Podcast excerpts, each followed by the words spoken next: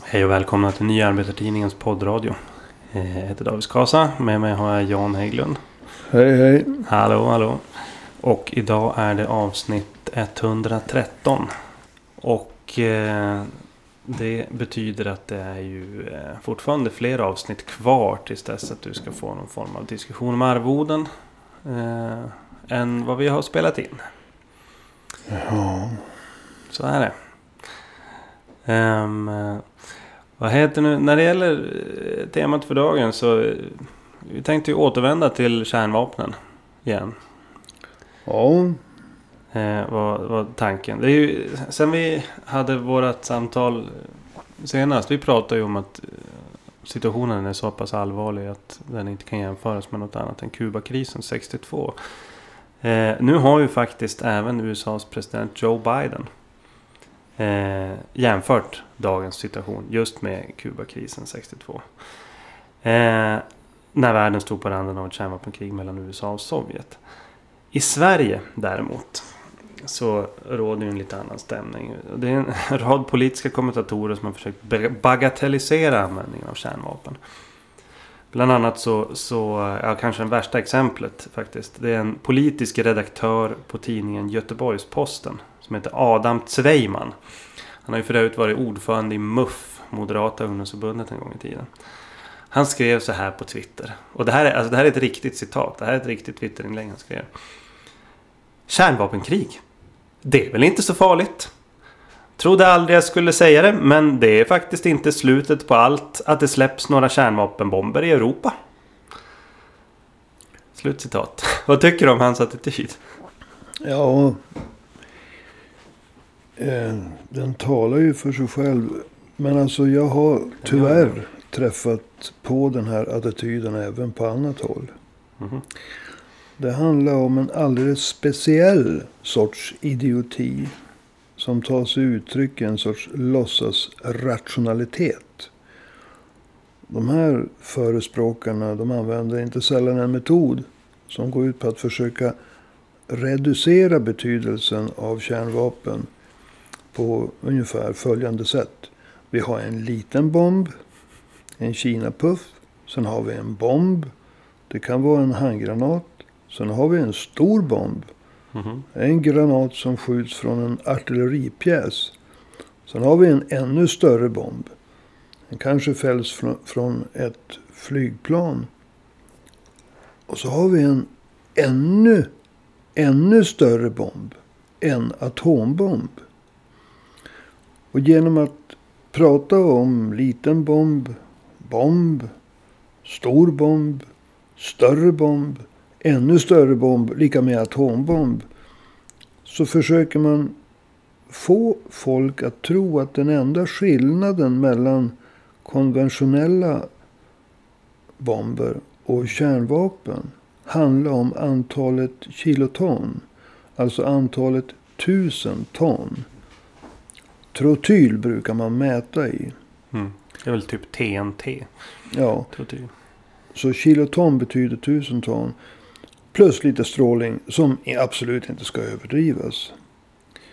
Men de debattörer som har gjort denna idiotiska låtsasrationalitet till sin egen.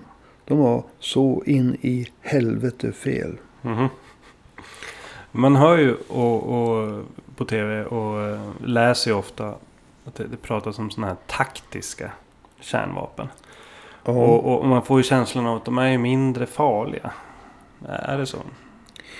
ja, först ska vi ha klart för oss att skillnaden mellan taktiska och strategiska kärnvapen. Det handlar egentligen bara enligt vissa om att strategiska kärnvapen de kan fyras av från en kontinent. Till exempel Europa till en annan kontinent. Exempelvis Nordamerika och tvärtom. Sen brukar de taktiska vara större. Eh, men de Strategiska tänkte du? de, de, de strategiska, ursäkta. Men de två kärnvapen, atombomber som USA använde mot de japanska städerna Hiroshima och Nagasaki i slutet av andra världskriget. de hade en sprängstyrka räknat i kiloton på 15, 16, alltså 1000 ton. 15-16 kiloton när det gällde Hiroshima och 21 till 25 000 ton trotyl. Eh, då det gällde Nagasaki.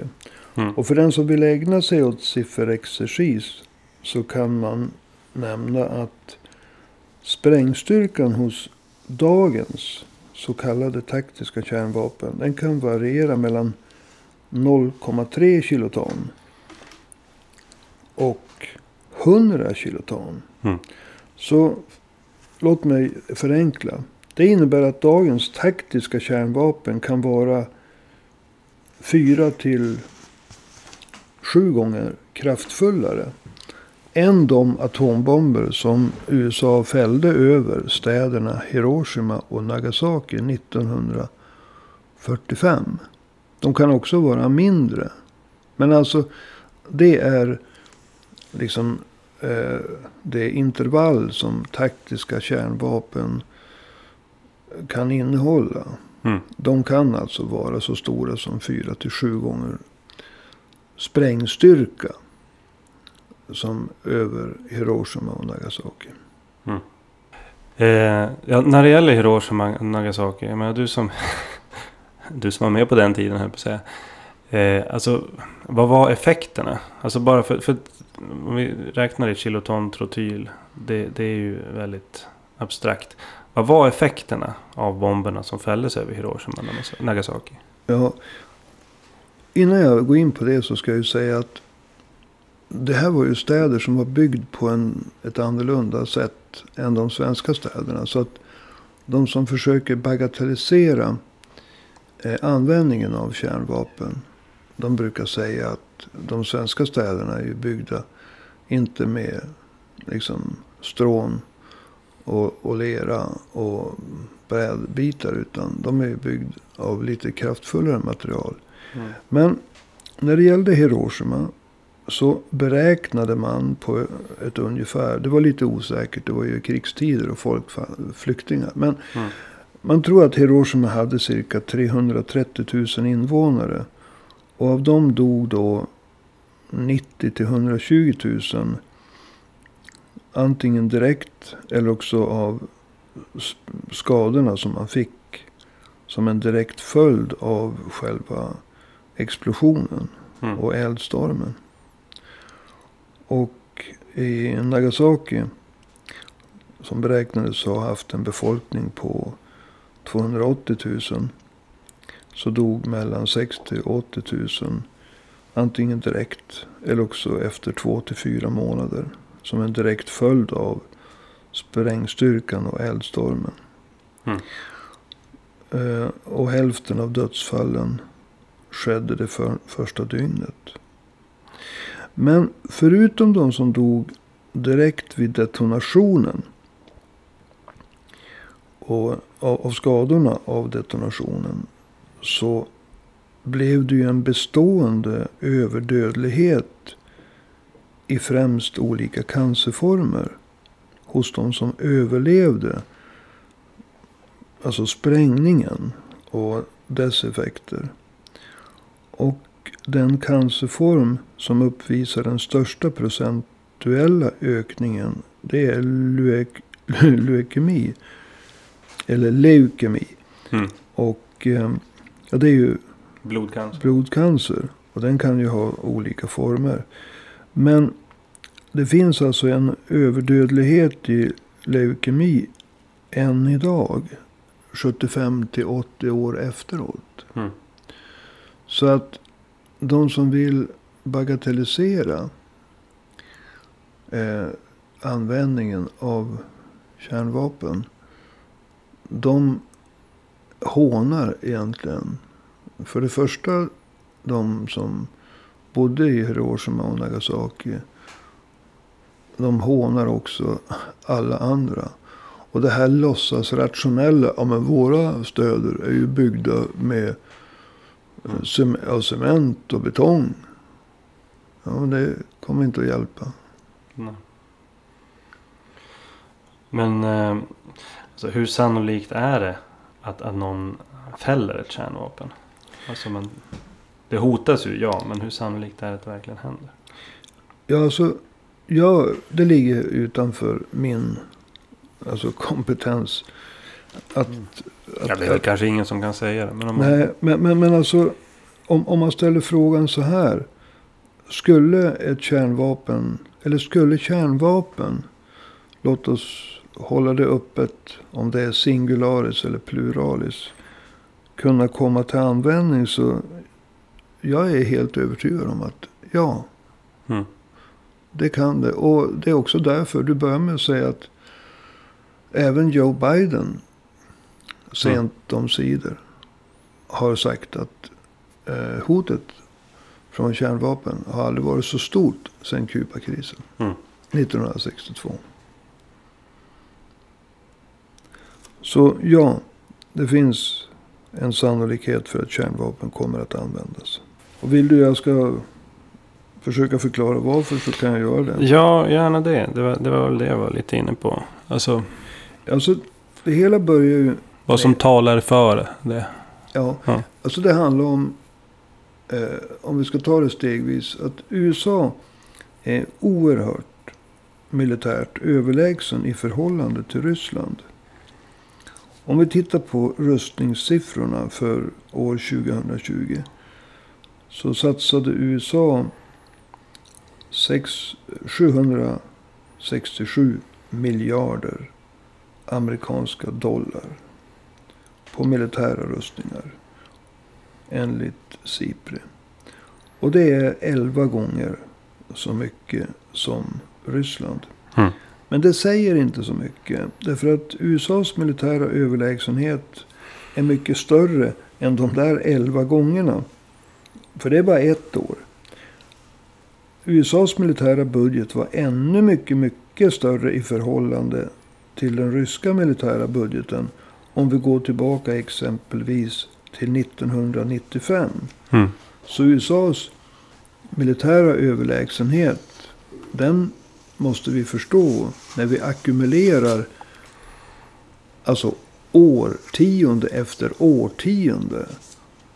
Av eh, amerikanska rustningar som alltid har varit kanske 25 och är nu ner till 11 gånger så mycket pengar som Ryssland.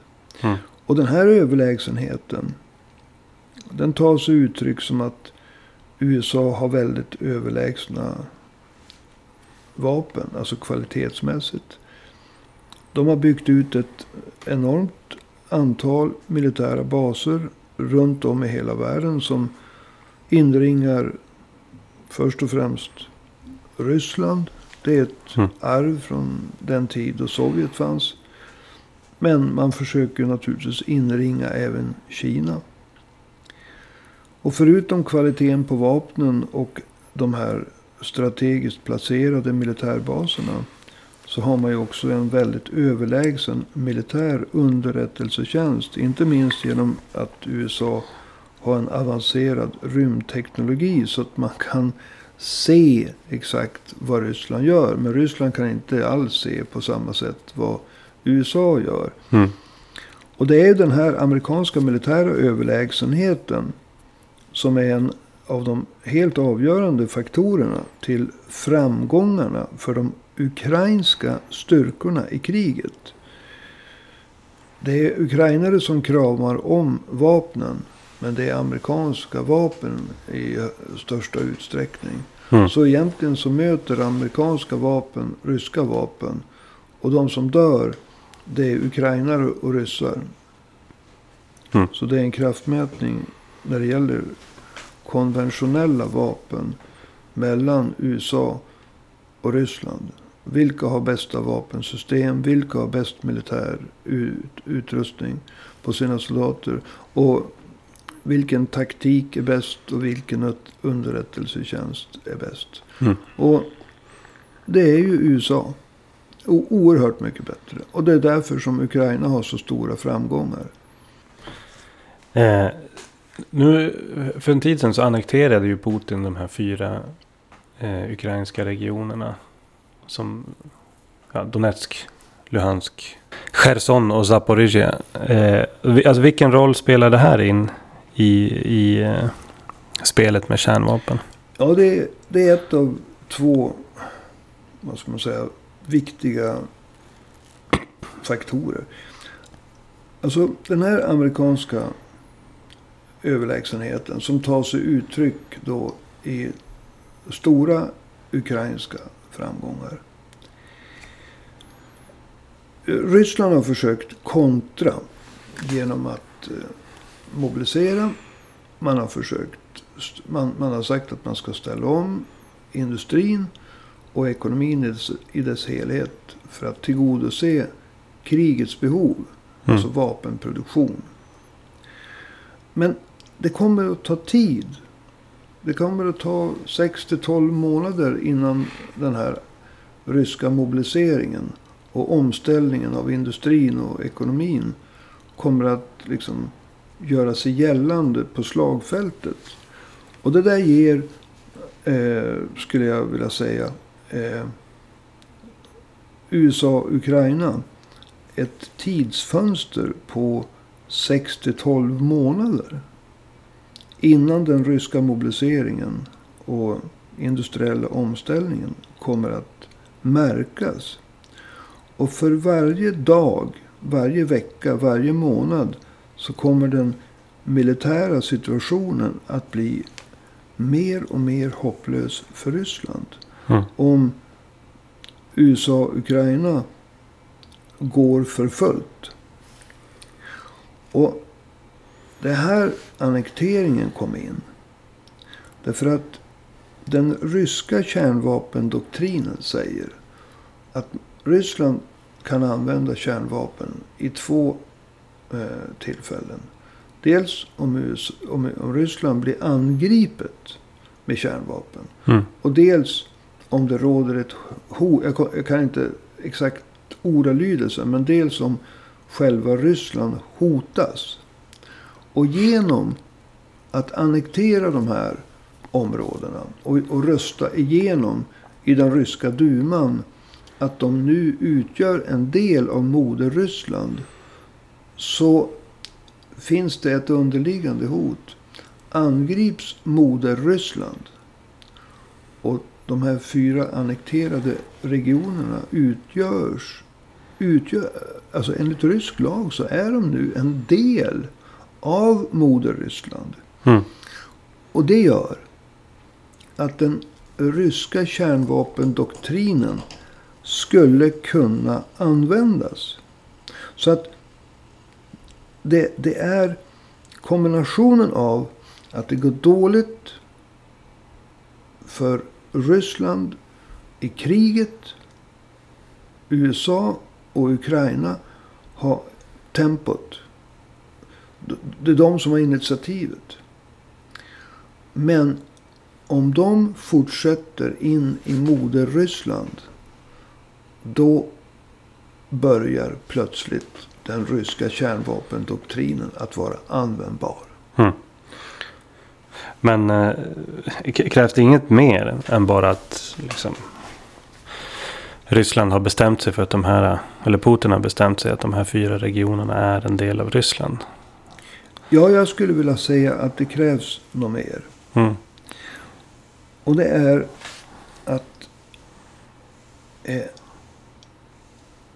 alltså, Ryssland hade ju aldrig fullständig kontroll över de här fyra annekterade regionerna. Nej. De hade kanske nästan helt kontroll över någon av dem. Men mm. inte fullständig kontroll över alla fyra. Så att där kan man liksom inte... Eh, jag tror inte att gränsen går där. Mm. Däremot om, den, om USA beslutar sig för att med hjälp av Ukraina tillfoga den ryska regimen ett oerhört förödmjukande nederlag. Det är då som det uppstår en väldigt farlig situation. Mm. Och detta oerhört förödmjukande nederlag. Det skulle kunna genomföras genom att de ryska militära styrkorna drivs bort från Krimhalvön. Alltså där har det för det första alltid funnits ryssar. Mm. Eh, I form av en väldigt stor rysk militärbas.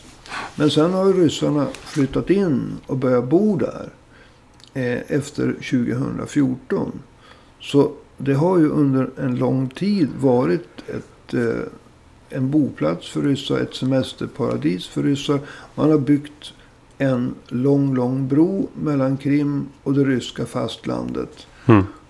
Och skulle eh, den ukrainska, amerikansk-ukrainska offensiven eh, så att säga innebära att man erövrar Ukraina, eh, alltså Krim Ja. från Ryssland. Då uppstår en situation där Putin och den ryska regimen blir så förnedrad att kärnvapen kan tänkas användas. Mm. Det är så jag ser upptrappningen. Alltså den logiska utvecklingen till att ett kärnvapen används. Vad skulle hända då? Alltså om det kom till den punkten. Ja, det är här som... Ursäkta att jag bläddrar lite. För jag har gjort lite stödanteckningar i detta allvarliga ämne. Det är här som, som eh, det finns en, en sorts upptrappningens logik. Va? Skulle den ryska regimen i desperation över att exempelvis ha för, förlorat Krimhalvön beordra sin militär att använda kärnvapen i kriget i Ukraina för att återupprätta sig efter ett sånt förödmjukande nederlag. Och skulle den ryska militären utan att göra statskupp eller vägra, alltså verkställa orden. Då kommer USA med allra största säkerhet att tvingas slå tillbaka med alla konventionella vapen som USAs väldiga krigsmakt besitter. Mm. Och det är därför som det var så viktigt att förstå hur överlägset USA är när det gäller konventionella vapen. USA skulle i praktiken kunna, och i det här fallet också tror jag, vilja radera ut hela den ryska krigsmakten. I första hand i Ukraina.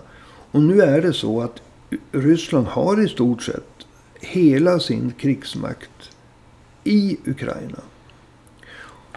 Men USA skulle vara alltså, militärt kapabel att radera ut de ryska militära styrkorna. Och om de gör det med tanke på att i stort sett Rysslands militära styrkor finns i Ukraina. Då skulle det lämna Ryssland i praktiken helt försvarslöst. Mm.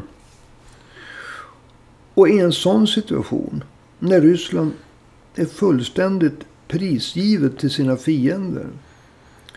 Så skulle det tvinga, alltså naturligtvis kun, ku- kunna tvinga den ryska regimen att använda ett andra kärnvapen i syfte att avskräcka andra eventuella fiender än USA och Ukraina. Mm. Men också för att avskräcka delar av dagens ryska federation från att lämna Ryssland. Alltså, man har ingenting annat kvar i det läget. När man har förlorat sina konventionella militära styrkor. Mm. Att visa både fiender och eventuella utbrytarrepubliker att vi fortfarande kan. Och det, det är det. Man står alltså försvarslös i stort sett. Det enda man har kvar är kärnvapen. Och spränger man då ett andra, eller detonera heter det, ett andra kärnvapen. Då uppstår den avgörande frågan. Kommer USA att kunna acceptera att den ryska regimen använder ett andra kärnvapen utan att själv använda kärnvapen. För att säga nu är gränsen nådd. Mm. Och jag tror att svaret på den frågan är nej. Både av utrikespolitiska skäl. Alltså USAs allierade skulle kräva det. Men också av inrikespolitiska skäl. En president som accepterar två ryska kärnvapen. Utan att slå tillbaka. Sitter löst. Oavsett vad den presidenten själv tycker. Den presidenten kanske är för, kanske är emot. Men alltså trycket både utomlands och inrikes skulle tvinga fram ett kärnvapensvar från USA. Och då är frågan vars USA skulle detonera ett sådant kärnvapen. Mm. Och eh, det måste ju... Det kan ju inte detoneras på något land som är USAs vän. Det kan ju inte detoneras eh, i Kina. Nej. Det måste detoneras i Ryssland. Mm. Och i det läget så finns det... Eh, ja. I det läget. Då har vi eh, kommit in i upptrappningen. Mm. Hur mycket kärnvapen finns det? Alltså nu Ja. när vi ändå pratar upptrappning.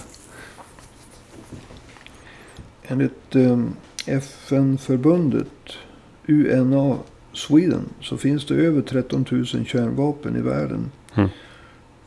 Ryssland och USA har föga förvånande 90 procent av dem. Mm. Eh, De har, Ryssland ska ha 6 370 kärnvapen. Och USA 5 800. Ungefär lika många. Mm. Och av dem, enligt FOI i Sverige, skulle 1500 av Rysslands kärnvapen vara strategiska. Och kunna skjutas till exempel från Sibirien och nå exempelvis New York. Och USA beräknas ha lika många strategiska kärnvapen, cirka 1500. Som skulle kunna avfyras och nå exempelvis Moskva, Mm. eh, Sankt Petersburg. Så det innebär att USA och Ryssland skulle ha drygt 9000 bara taktiska kärnvapen att använda mot varandra. Ja, det är ju en hel del. Det värsta med den här Adam Sveiman. Det är att när han pratar om att kärnvapenkrig. Det är väl inte så farligt. Ja, jag, jag måste ta hela citatet. Mm. Trodde aldrig jag skulle säga det. Men det är faktiskt inte slutet på allt. Att det släpps några kärnvapenbomber i Europa. Då... Ja. 9000 taktiska kärnvapen. Totalt 13 000 Mm. kärnvapen i världen. Alltså denne Adam Sveiman. Han speglar en uppfattning som är på modet bland vissa militära kretsar idag. Sveiman skulle aldrig ha vågat skriva det här själv. Mm. Utan nej. hans åsikter. De speglar vad vissa militära, eh, vissa militära kretsar tänker. Och det är därför de har skaffat sig de här små taktiska kärnvapen. Ni minns att jag sa att eh, det finns taktiska kärnvapen som bara har en sprängverkan motsvarande 0,3 Ja, just det. kiloton trotyl. Upp till 100 kiloton. Och de här militärerna menar på fullaste allvar att det går att normalisera användandet av taktiska kärnvapen på slagfältet. Utan att den som förlorar kommer att trappa upp och slå till med allt direkt. Mm. Och det är det som är så fruktansvärt farligt. Därför det är ett antagande. Och låt oss säga att de har rätt till 50 procent. Låt oss säga att det är som att satsa roulette. Svart eller rött. Ja. Ja, satsar du 100 spänn så förlorar du 100 spänn om du har fel. Du har 50 procents chans. Det är lite större insatser med kärnvapen. Ja, det är vad heter det, Något. 7 7,9 miljarder människors liv om man har fel. Mm. Så man bör ju avhålla sig från att spela rysk roulette med mänskligheten. Men det är vad de här militären och den här Adam Sveiman anser sig ha rätt att göra. Ja. Så man blir ju förbannad. Jo. Men det här är en, en, en... eh, Alltså då och då så uppstår det en frestelse. Främst bland amerikanska militärer.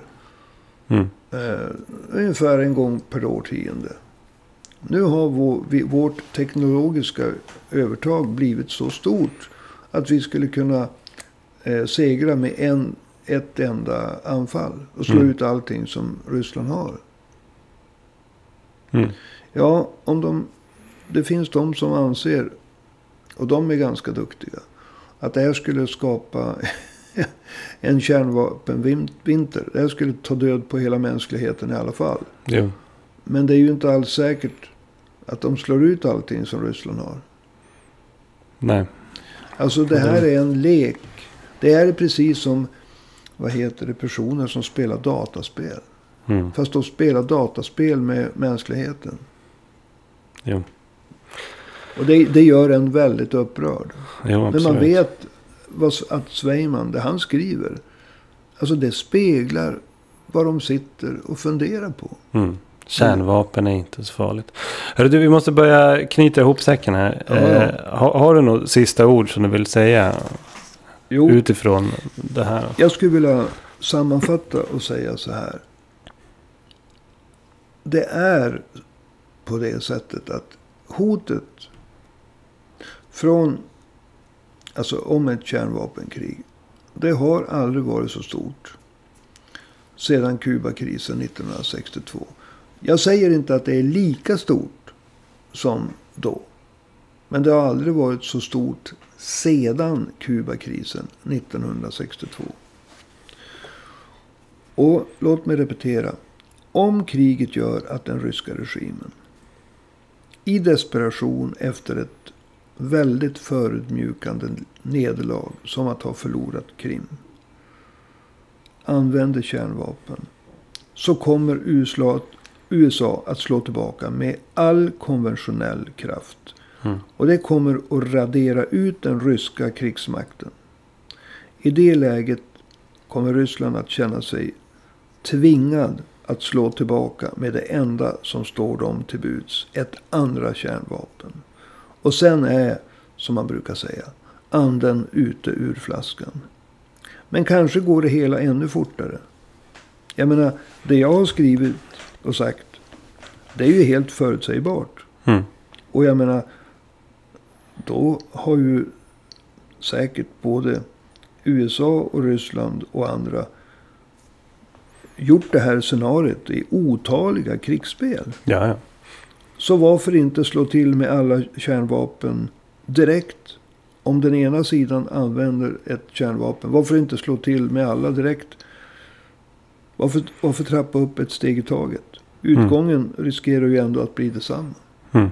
Alltså, Precis. Upptrappningen när det gäller kärnvapen följer en egen logik som inte kan överföras från konventionella vapen till kärnvapen. Och det är just det, att försöka använda de konventionella vapnens upptrappningslogik på kärnvapen som är det absolut farligaste. Och det är det som de som pratar om bara taktiska kärnvapen försöker göra. De Ja. försöker normalisera kärnvapen genom att tro, för, försöka få oss att tro att upptrappningen av kärnvapen följer den konventionella vapnens logik. Mm. Och vi måste alltså våga tala för fred och nedrustning. Jo. Precis. Det var väldigt bra avslutande ord. Är det någonting som behövs är ju att eh, blåsa liv i eh, rörelsen för fred och nedrustning. Och även för att stötta de ryssar som finns i Ryssland och protesterar mot vad som pågår där. Mot kriget, mot den ryska regimen. Ja, man önskar sig en andra rysk revolution. Ja, precis. Det skulle sitta fint. Vi befinner oss ju i oktober. Ja, exakt. Exakt. Så är det. Ja, men du, eh, jag får tacka för idag. Tack, tack. Eh, du som eh, tycker om det vi poddar om. Du får ju gärna stötta oss. Eh, antingen genom att ta en prenumeration på Nya Arbetartidningen. Det kostar bara 30 kronor per månad. Och då är det ju även tidningsartiklar och grejer. Eh, bloggar och, och podden då. Eller om du bara vill stötta oss med bidrag så går det att swisha. Vi har nummer 123 504 7105. 123 504 7105. Det finns inga bidrag som är för små, inga som är för stora. Men vi vill ju hellre ha stora bidrag än små bidrag. Det säger ju sig självt. Så det är bara att swisha på. Så hörs vi igen eh, nästa vecka. Eller nej, vänta. Jag kanske inte ska utlova till för mycket. Om just nästa vecka. Det kan dröja två veckor innan det blir en ny podd. Yes. Hej hej.